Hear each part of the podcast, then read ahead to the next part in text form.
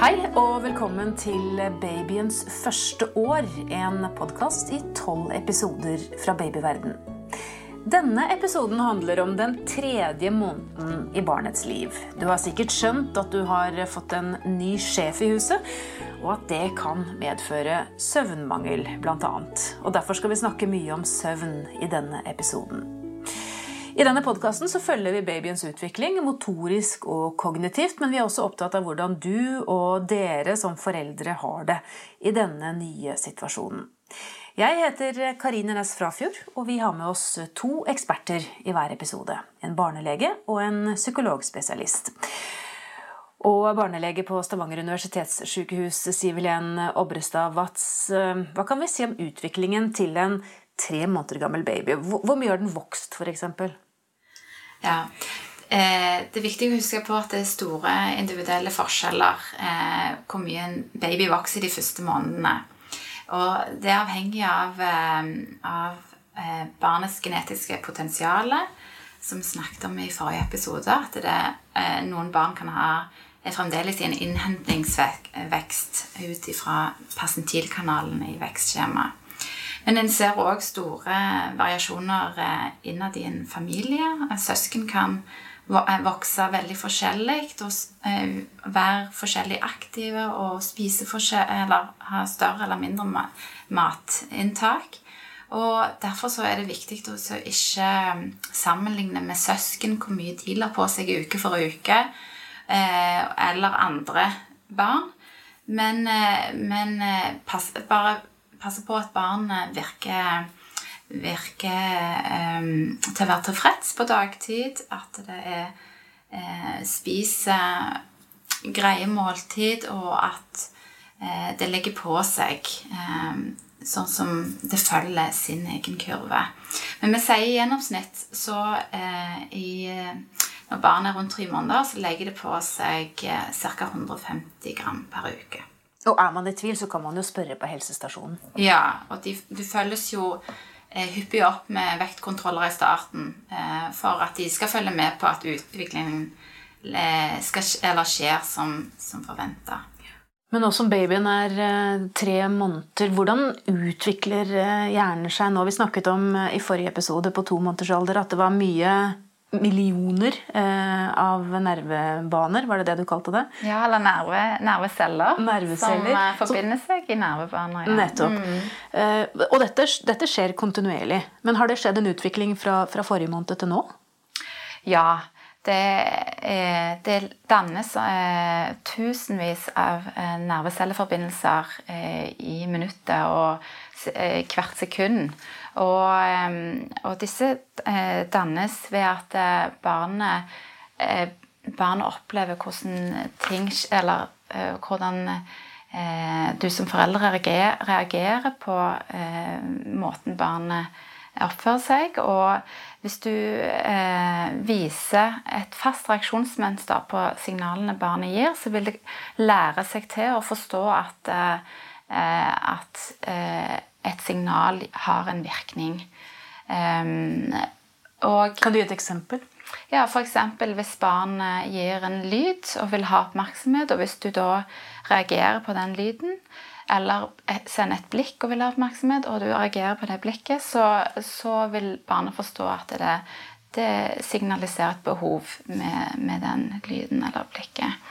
Eh, men så er det sånn at disse eh, hjernecellebanene, eh, eller nervecellebanene, de, de er sånn at de, de vil ikke for, forbli til evig tid.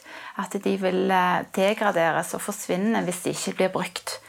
Sånn at det som er viktig, det er at, at en gjentar det samme eh, reaksjonsmønsteret om og om igjen. Og at en klarer å eh, hjelpe barnet til å regulere atferden og regulere følelser eh, ved at en, eh, en, viser barnet da i møte ansikt til ansikt, eller i møte med, eh, med hvordan en holder, eller eh, hvordan en eh, viser omsorg for barnet. ja, at ja, at det, det, føler, det, føler, at det kan forstå hva som kommer til å skje da. Forutsigbarhet er Ja. egentlig ordet. Altså Barn liker forutsigbarhet. Ja. Det er, det er veldig viktig for barn å kjenne på en forutsigbarhet. Og kjenne på at, at det, forstår en rekkefølge i ting som skal skje under stell og under hverdagslige ting. Em, men òg under lek. At, det, at når det eh, gir deg et blikk, at du faktisk reagerer på, på det blikket og følger opp det barnet eh, ønsker skal skje. Vi har jo snakket i tidligere episoder også om dette med motoriske ferdigheter. Eh, Nå begynner det vel kanskje å skje litt eh, i forhold til motorikken hos en baby på tre måneder også? Ja. Eh, Det som er eh, med motorikken og bevegelsesutviklingen, det er at den er på en måte fastlagt i et bestemt mønster. Det er sånn at eh, eh, Først er det hodet som får eh, At det utvikler kontroll over hodet, og etter hvert så er det kroppen, armene eh, og til slutt beina og føttene. Og det som er viktig da, er jo at hodet er på en måte den som har størst kontroll i disse månedene. Og vi ser at barnet får, begynner å få bedre eh, em, kraft og stabilitet over, mus eh, over musklene i skulder og nakke. Sånn at når barnet eh, legges på magen, så vil det nå klare å løfte hodet godt opp fra bakken og, og delvis brystkassen.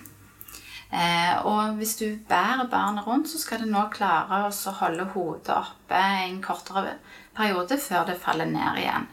Så det med styrke i nakke og hode det er viktig for at barnet skal kunne utvikle seg videre i, eh, i forhold til eh, bevegelsesutviklingen, motorikk. Skal man gjøre noe for å legge til rette for at barnet kan få trene seg opp? Ja, det er veldig viktig at eh, man, siden barnet skal ligge på rygg eh, når det sover, så er det viktig at barnet legger så mye som mulig på magen når det er i våken tilstand. Og allerede fra, eller så tidlig som mulig, men eh, helst fra to måneders alder, så bør barnet legges eh, så mye som mulig på, på magen. Og i eh, omgivelser der det har litt plass rundt seg, og at det eh, ja, kan bli stimulert av ting rundt seg. Sånn at eh, det er viktig å tenke på. Eh, Jeg tenker om Når barnet ligger på magen og klarer å løfte hodet, så blir man kanskje litt mer nysgjerrig på ting rundt seg òg. Sansene, hvordan utvikler de seg, og interessen etter barnet eh, når det er tre måneder gammelt? ja. Eh, det er helt sant at eh, barnet begynner nå også å forstå at det, at det kan skille seg sjøl fra omverdenen. Og eh, eh, barnet vil, eh, hvis det rekker ut eh, mot en eh, rangle over vognen, f.eks., og prøver å dytte i den så, og får den til å bevege seg, så vil barnet forstå at eh, bevegelsen fra hånden faktisk har en innvirkning på omgivelsene. På samme måte hvis barnet eh, blir møtt av foreldre når det gråter eller eh, smiler, så vil barnet forstå at det kan påvirke mor og far. Så nå begynner barnet å bruke stemmen mer bevisst eh, på å tiltrekke seg oppmerksomhet, og barnet eh, kan begynne så vidt å, å lage ordlyder som vokaler. I forhold til omgivelsene så er visuelle inntrykk veldig viktig for barna nå. For, for synet har eh, utviklet seg ganske mye, og barnet klarer å se eh, mer kontraster og, og skille farger, primærfargene. Sånn at det å ta barnet med rundt, løfte det opp og bære det rundt og vise det eh, rundt i rommet, og kanskje stoppe opp med ting som har litt kontrastfarger eller eh, former, og eh, snakke rundt det, eller eh, ja, la barnet ta initiativ til, til hva det kan oppdage på veien. da. Så kan det være en fin aktivitet. Lys og lamper er også veldig spennende. Ja, stemmer. Det vil jo tiltrekke barnet, barnets oppmerksomhet. Så. Snakker om lys. eh, Motsatt av lys er mørke, og da er vi jo fort over på søvn. I hvert fall når man skal sove om, om natten. Eh, Det kan vi komme litt tilbake til. Men, men hvor mye sånn generelt sett sover en tre måneder gammel baby eh, i løpet av døgnet nå? Ja, i gjennomsnitt så sover en baby, tre måneder gammel baby mellom eh, 12 til 16 timer. Um, men det er store individuelle forskjeller. Det er viktig å huske på eh, at eh, eh barnet er nå i en fase hvor det kanskje sover mer på, på natten. At det har lengre soveperioder fordi at det ikke trenger så hyppig amming. Så kan, en kan gjerne oppleve at barnet sover fem til seks timer på natten nå. Eh, og barnet begynner nå å produsere et viktig hormon som, eh, som, er med på å regulere døgnrytmen. og Det hormonet kalles melatonin. Eh, og før barnet blir to til tre måneder, så det, er det egentlig et avhengig av mors melatonin. Og at det har lave nivåer av dette hormonet fram til det da begynner å produsere det i tre måneders alder. Så nå er på en måte biologien til barnet mer klar for å, å skape en døgnrytme. Så det å bruke lys og mørke er viktig i forhold til det med å eh, regulere barnet inn i gode søvnrytmer. Hvordan gjør man det helt konkret? Ja, for det, lys det er med på å eh, hemme melatoninproduksjon, mens eh, mørke er med på å stimulere. Sånn at du kan bruke eh, det med at du, barnet får mye lys på dagtid. At du, når du er ute eh, og triller, så kan du la barnet eh, være på en måte ligge med mye lys inn. Ikke tildekke vognen så mye. Når barnet er inne, kan du la det sove i omgivelser med mye lys. Hvis det ligger i en vugge. Eh, og du kan òg regulere barnets eh, våknerytme med at du eh, bruker tid på måltider og stell på dagtid, og mindre av det på nettene. Så her kan man faktisk være med å påvirke døgnrytmen til barnet? Ja, det er litt sånn enkle grep? Nå kan du begynne å eh, påvirke og tilrettelegge for at barnet skal få en god døgnrytme. Men når kan man forvente at den døgnrytmen skal være på plass? Det er vel litt tidlig ennå?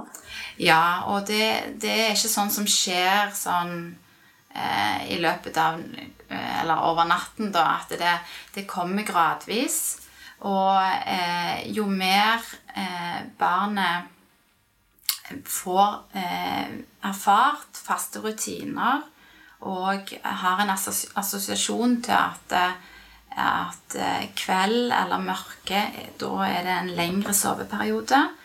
Eh, så, så vil det etter hvert lære seg til at, at eh, det er en forskjell på dag og natt. Men det, det trenger en del grunnarbeid for at barnet da skal tilegne seg det. Men, men, for all del, barn er forskjellige. Noen barn er... finner lettere roen sjøl. At de klarer å selvregulere seg sjøl inn i søvn. Og eh, eh, ja, at noen foreldre opplever at, det, at det, det, skal ikke så mye til for barnet til å sove på natt. Men, men så er det jo sånn med søvn at det, en kan være inne i en god periode, og så plutselig så kommer det så endrer det seg. Eh, og så er, barnet plutselig våken på natt igjen. Eh, og da er det jo å finne ut er det en fysisk eh, grunn til at barnet våkner på natt, eller er det bare rett, rett og slett at det, det, er en endring i, i barnets biologi? At det har oppvåkninger som gjør at det ikke klarer å sovne igjen. Du var inne på dette med å lage gode rutiner for å starte på en måte en god en forskjell da, på dag og natt for, mm. for, for, barnet. Mm. Eh, hva kan sånne rutiner bestå av? Ja, Det er jo ofte det å lage eh, noen eh, kveldsrutiner som gir positive assosiasjoner til søvn. At barn har en forventning om hva som kommer til å skje eh, ved neste steg. Sånn at det, det du Eller det som er lurt å gjøre, er jo også eh, skape et ritual, et kveldsritual der du eh, avhengig av familie i dag det du ønsker å gjøre, men, men, der du roer ned, og der du eh, på en måte skaper en hyggestund med barnet før barnet sjøl skal lære seg å regulere seg inn i søvnen. At du ikke trenger å være til stede for at barnet skal sovne. Eh, så det kan bestå i av eh, det Viktig er jo å skifte bleie og stelle og få tatt på pyjamas. Og noen eh, er glad i å bade barnet før de skal legge seg. Men òg det å ha en, en, tid sammen der du sitter med barnet og leser. Eller synger en sang, eller ja, roer. At barnet føler at det er trygt og godt. Og, og det vil hjelpe barnet til å falle lettere i søvn. Demper man lyset da også, for å liksom poengtere at nå begynner det å ja. bli natta?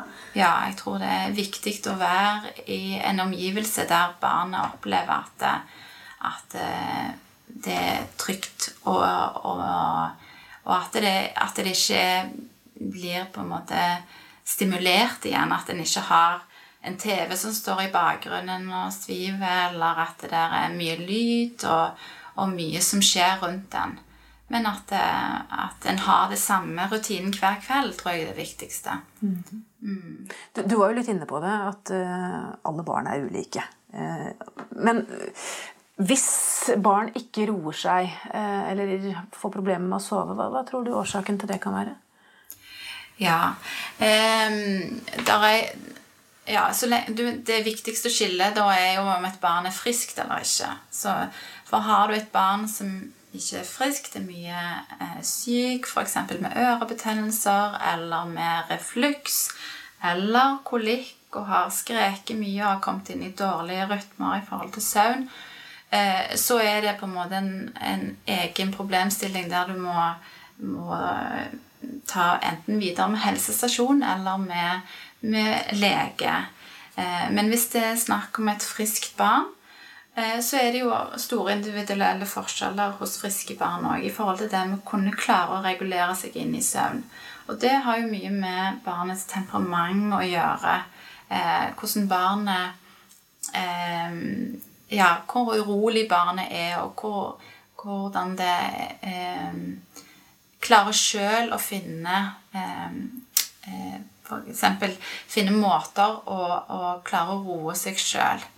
Noen barn er glad i å bruke en tutt, og bruke den suttingen til å, å, være en slags stimulering til at det kan falle i søvn. Eh, jeg har sjøl et barn som jeg har helt siden vi var født vært veldig glad i å eh, ta på håret mitt. Og eh, det har vært en utfordring med at hun seinere har ville ta i håret mitt helt til hun eh, har, har, blitt flere år. Og det å så uh, på en måte hjelpe henne til å forstå at uh, hun tar i sitt eget hår for oss og prøve å få henne til å sovne, det er jo en utfordring. Så det med teori og praksis Du har ikke tenkt å være litt kreativ og skaffe en parykk? Eller? ja, eller klippe av en hårbit og legge opp i hennes seng. Det har jeg vurdert. det. Jeg har stått mange timer med hodet ned i sengen hennes for å prøve å få henne til å sove. Så, men, men, det er jo nettopp det at en finner sine vaner og rutiner, og en, en, en prøver så godt en kan å skape en god og trygg situasjon for barnet til å sovne. Men noen barn eh, er det mye vanskeligere eh, for å få inn i disse rutinene. Og det, det er, tenker jeg at en, en må ikke ta sjølkritikk for det. Og da, og da, tenker jeg det kanskje viktig å poengtere at selv om du hadde kanskje det forrige barnet sovne som en stein, ja. så er det ikke nødvendigvis sånn det blir med det neste, Nei, eller motsatt. Ja. Det er helt sant. At man er veldig ulike. Mm. Så, og jeg tenker jo det å få hjelp fra, fra, far At det er jo ofte mor som er blitt den som har tatt, eh, tatt søvnen de første eh, månedene. Av eh, naturligvis hvis du har amma, men, men, nå er det mer far sin tur, tenker jeg, etter hvert. Far eller partner? Del, eller partner, ja. Mm. Til å ta del i, eh, i det med legerutinene og, og, få en god søvnrytme for barnet. Men det betyr at mor egentlig ikke nødvendigvis trenger å være med på det i det hele tatt? ikke sant? Ja, så lenge eh, Så lenge det er en omsorgsperson?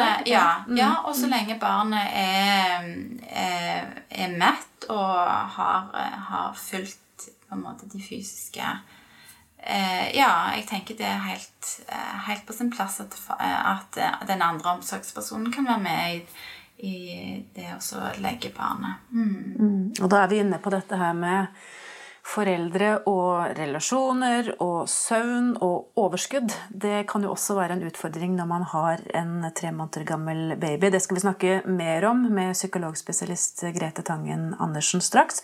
Takk til deg, Siv Helen Obrestad Watz, barnelege på Stavanger universitetssykehus.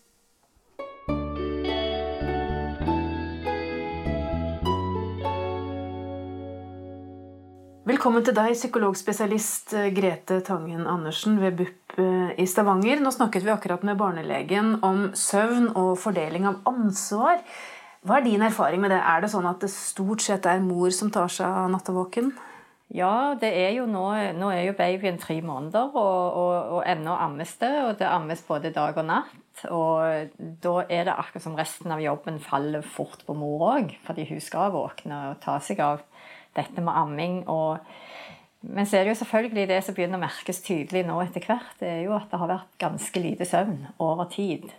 Og vi vet jo at lite søvn påvirker jo alle funksjoner hos et menneske, og det er ganske belastende. Sånn at det, Og babyen er jo for liten til altså En vil jo hele tiden prøve å finne en rytme på både søvn, våken, hvile på dagen. Men allikevel så blir det for lite søvn for, for, de voksne, egentlig. Så det er, I og med at babyen ikke kan hva skal jeg si, disse søvnmetodene som de har, og det kan jo diskuteres mye om det, men du kan liksom ikke introdusere sånn type ting. Så små babyer. Men man er prisgitt babyen, rett og slett? Man er litt prisgitt ja. babyen. Og når de våkner, de trenger mat om natten, og de skal ammes. Og, og der er det jo sånn at folk er veldig forskjellige i forhold til hvor mye søvnmangel de tåler. Noen sovner veldig fort sånn som jeg har hørt mange ganger på barselgrupper, de sovner med en gang når de legger seg ned. Snakker du om mødrene nå? Mødrene. Ja. Ligger kanskje og sover ved siden av. Eller på et annet rom, har jeg òg hørt. Uff da. Ja, skikkelig uff da. Og, eh, og de tåler det jo bedre. Ja, Eller kanskje man skal få lov. igjen. fikk jeg litt dårlig samvittighet. Kanskje man skal få lov å sove på et annet rom ja, hvis man nei, trenger det. Det kan være en god løsning. Ja, og, og så kan en avtale litt hvem som gjør hva, mm. egentlig, selv om de sover på et annet rom. Men du sa man sover ulikt. altså Noen sovner med en gang, mens andre sliter med å få sove igjen? Noen klarer veldig lite å sovne igjen etter at de er vekket. Og da ligger de ofte mye våkne. og da, da, er det sånn som de sier mange ganger, det er akkurat som du trekker ned et rullegardin, og det går opp etter noen måneder når babyen sover mer. Så det er en ganske stor påkjenning, psykisk og fysisk, å ha så lite søvn. Så i og med at ikke, som du sa, en prisgitt babyen, så kan en ikke på en måte basere seg på at en skal forandre den. Men da må jo de voksne da begynne å tenke rundt hvordan skal vi best mulig sørge for at begge to får søvn. Og så kan en jo tenke kanskje far eller partneren skal på jobb, men mor skal òg ha en stri dag foran seg. Med mye våken med baby og stelle. For det er liksom ingen liten jobb. Sånn du, og det krever òg mye opplagthet og overskudd. og hvis ikke du har det, så er det jo ganske tungt. Sånn, hvis de voksne kan klare å avtale litt, at en vet at en får hvile Sett at f.eks. far sa når jeg kom hjem, så kan du hvile, så tar jeg babyen. ikke sant? Sånn at, at det blir litt tydelig. At en får lov til å hvile, og at en trenger det. og at det er en trenger liksom ikke lure på at det er tilfeldig hvis en plutselig, oh ja, plutselig kan jeg få lov til å sove litt. Jeg tror det er viktig å ha litt kontroll på det faktisk. Hvordan er det for babyen hvis mor trenger en hel natts søvn på sitt eget rom? Er det ja. greit å gi flaske, eller på en måte finne ja. på litt andre løsninger? Altså, Jeg tenker jo at det er viktig å tenke helhet. Og at det er sånn at hvis mor er veldig veldig sliten, og det virkelig tærer veldig, så er det jo mye bedre å pumpe seg og gi flaske. Far gir flaske på natten enn at mor skal bare gå og bli enda mer trøtt og miste enda mer overskudd. For det er jo litt det en spør ja, hvordan er ting. de generelle rådene er veldig vanskelige, fordi det handler så veldig mye om denne familien og den, denne personen. Og jeg tror det som er best for helheten, er best for barnet. Så hvis mor får hjelp og støtte og får nattsøvn, så tror jeg det er, skader absolutt ikke barnet. Det er ikke mm. Men dette med tilknytning, kan mor være borte fra barnet en natt eller to? Kan hun ta seg fri og dra på hyttetur med venninnene, eller, eller er barnet for lite når det er tre måneder? Jeg tenker at barnet er for lite. ikke sant? Og Da er det litt sånn parentes igjen, det med at hvis mor er veldig sliten og trenger noe, så tenker jeg det er det viktigste. Men hvis det er sånn alminnelig kan en dra ifra, så er det sånn at en tre måneder gammel baby har liksom ikke evne til å vedholde den mor i minnet. Og har jo ikke noe tidsbegrep. og har jo ikke noe, Jeg kan ikke si til babyen 'mamma kommer snart', og 'nå går det en dag'. Og i og med at du får ikke støtte i språket, og babyen vil bare oppleve fravær. Og det kan føles evig.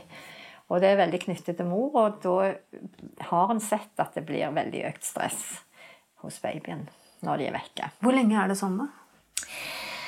Jeg vil jo si det at uh, Når en kan tenke at en kan gjøre det mm. uten å tenke at en Altså, En må jo kjenne barnet sitt, og uh, jeg tenker hvis en skulle være vekke en natt, så skal det i hvert fall når babyen er kanskje åtte, ni, ti måneder, så kan en jo En forholder seg til barnet med språk hele tiden, men da er kanskje barnet mer At de lettere De vil jo ikke kunne huske på den måten og ha mor i tankene, men de er trygge på de som er der. Og så er det jo sånn, er det mor som skal vekk, og far som er der, så er det jo ikke sånn at fedre passer sine barn. Det er mange som de, tror det. Ja, de tror det. Og samtidig er jo far den andre omsorgspersonen. Eller partneren er andre omsorgsperson. Og Det betyr jo bare at da er en av foreldrene hjemme. Og det er jo ikke på samme måte, men jeg tror jo at de fleste har hørt Jeg har hørt mange historier om at de er ute, og barnet gråter, gråter, gråter. Med en gang mor kommer tilbake, så stopper det. At besteforeldre ringer ganske fort hvis det er de som passer. Og, og det er jo det at babyen vet jo hva de vil ha, og de, de trenger mors tilstedeværelse. og jeg tror bare det at hvis, det, hvis en tenker når barnet er oppimot ett år at en skal reise vekk en helg, så er det jo viktig at kanskje babyen da, eller barnet er hjemme. Og at de som skal passe på, å komme hjem i huset der alt er kjent og trygt. Og så må en jo ikke være redd for å snakke om den som er borte. En må ikke la være å snakke om eller vise bilder fordi babyen vil gråte. Eller da tenker jeg på en ettåring. At en blir så redd for gråt at en ikke vil det. Men en må bare si men så kommer de snart, og så kanskje finne konkrete holdepunkter. Men det er jo klart, det å ikke kunne formidle seg tydelig gjennom språket og lage en slags tidsramme gjennom språket, det, det gjør at det blir mer stress for barnet.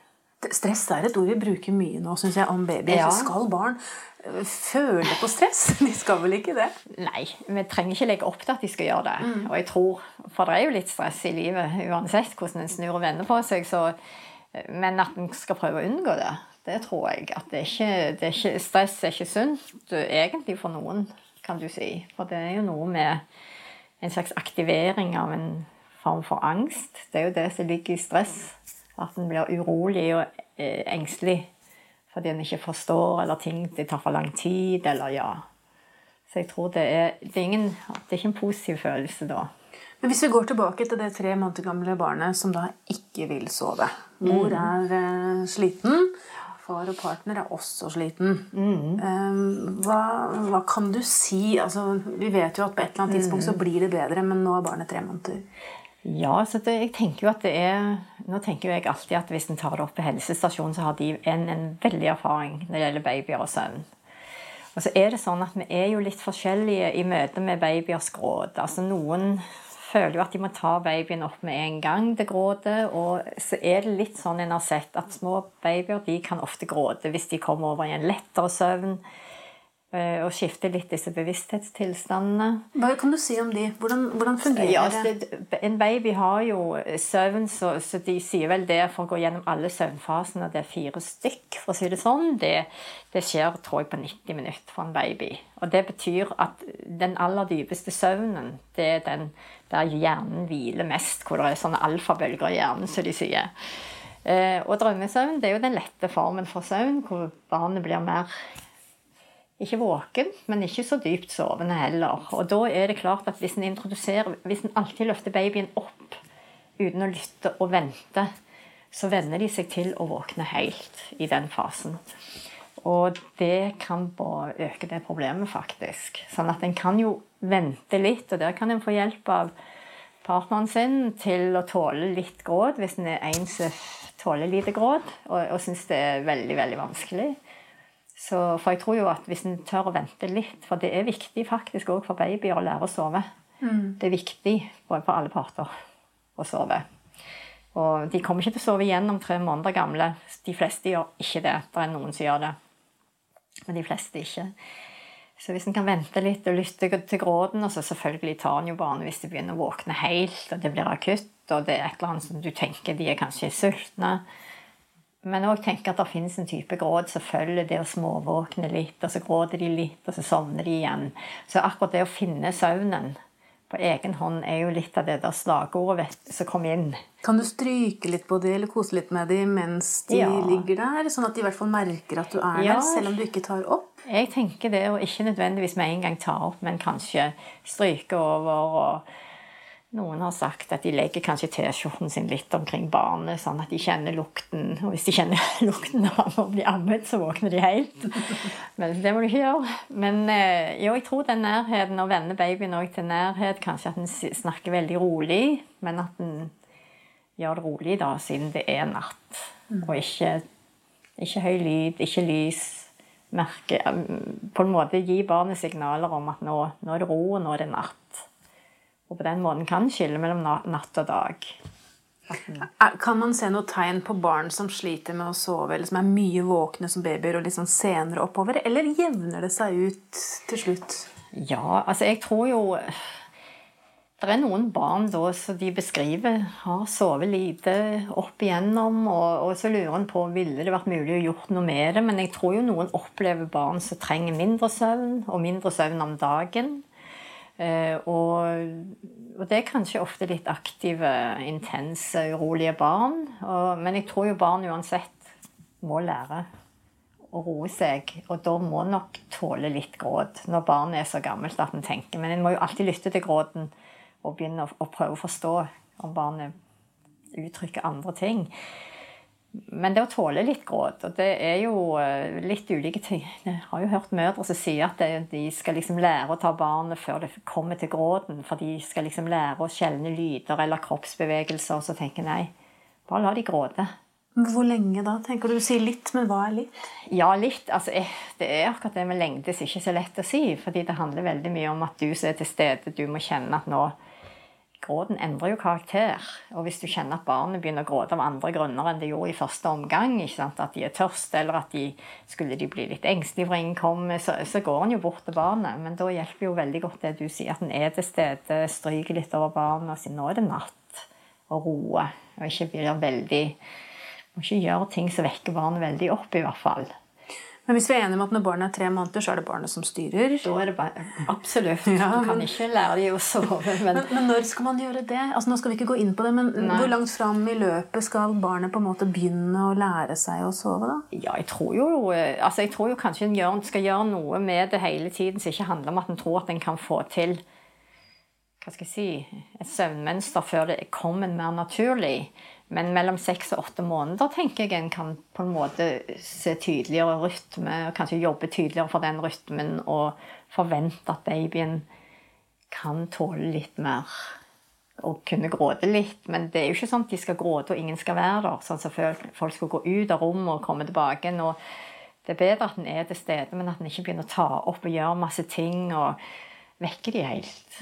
Så det, men det er som sagt helsestasjonen de er veldig gode på søvn òg, så de kan hjelpe. Og de hjelper individuelt. Og de vet jo at mødre er forskjellige, og foreldre er forskjellige. Og noen er veldig sårbare når barnet gråter og får veldig lyst til å ta dem opp. Og ta dem opp litt fort.